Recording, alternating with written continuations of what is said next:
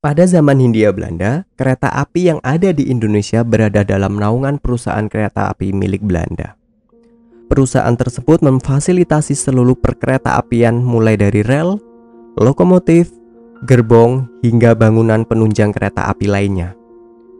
Salah satu sejarah paling memilukan dalam dunia perkereta apian di Indonesia adalah gerbong maut yang merupakan saksi perjuangan rakyat Bondowoso dalam mengusir penjajah.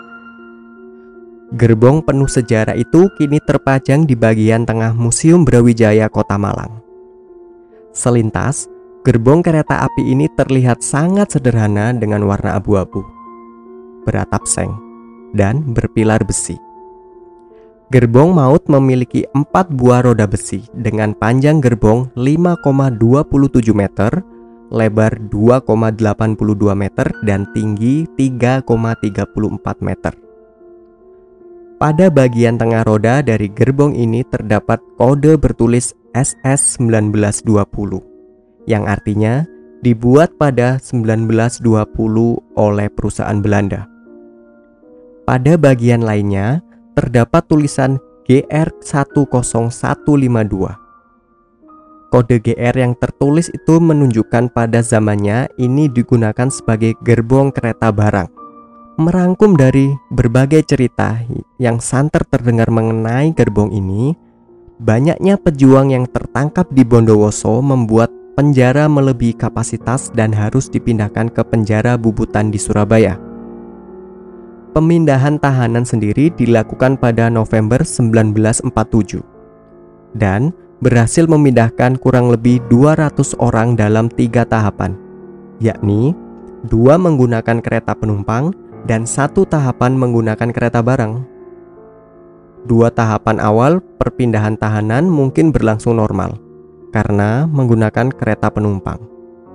Namun, nasib kurang beruntung dialami para tahanan yang dipindahkan menggunakan gerbong barang.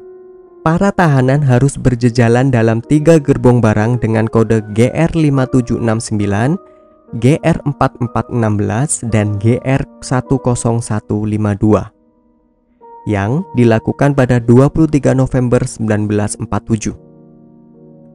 Para tentara Belanda menyiapkan tiga gerbong tersebut di stasiun Bondowoso dan memasukkan beberapa tahanan ke dalamnya.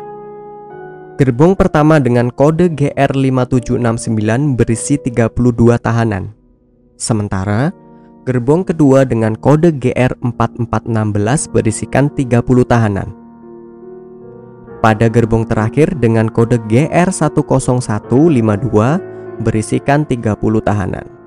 Terbayang, dengan panjang gerbong sekira 5 meter dengan lebar kurang dari 3 meter, para tahanan harus berhimpitan dalam ruangan tertutup yang minim oksigen.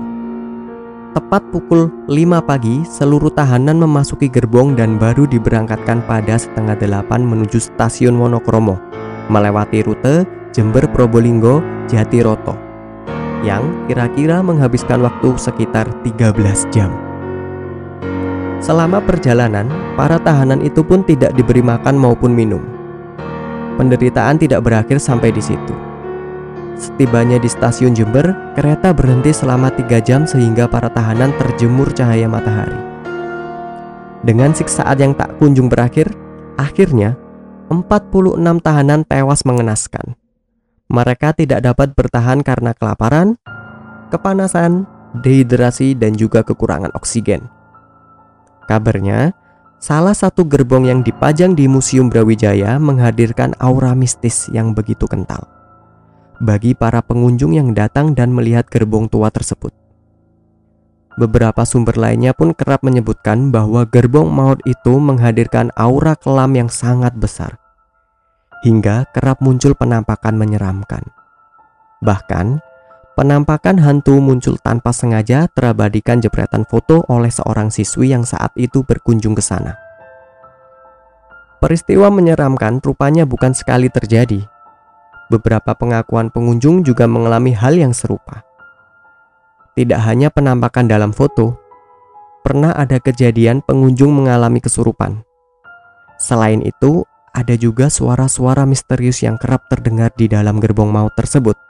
Namun, Meski ada cerita mistis, Museum Brawijaya Malang tetap ramai pengunjung, bahkan tak pernah sepi. Namun tetap saja, aura mistis dari gerbong maut tersebut tidak dapat dihindari.